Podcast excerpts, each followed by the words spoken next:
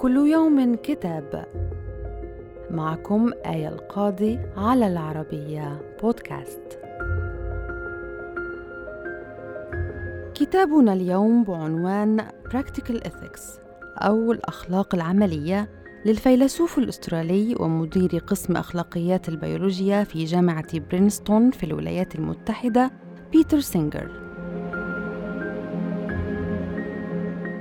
ذهب فيه الكاتب إلى أن الآباء والأمهات ينبغي أن يمتلكوا الحق في إنهاء حياة المواليد الجدد المصابين بإعاقات شديدة.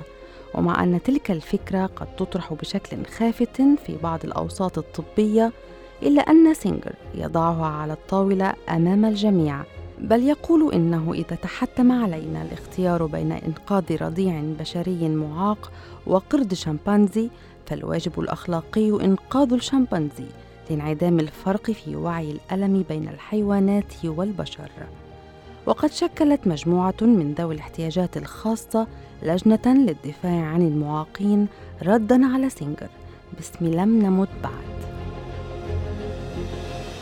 يبلغ سينجر اليوم الخامسة والسبعين من عمره ولا يأكل اللحوم ولا يشرب الألبان ولا يرتدي أو يستعمل أي شيء مصنوع من جلود الحيوانات.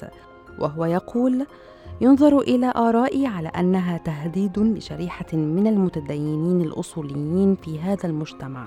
لشريحة تشعر بالأزمة لأنها تستمر بخسارة بعض المعارك المهمة ولا سيما معركة الإجهاض. هذه الشريحة تحتاج إلى سماع بعض الأشياء التي يجب أن تقال والفرق أنني أقول تلك الأشياء بصراحة أكبر من معظم الناس. وإلى اللقاء مع كتاب جديد.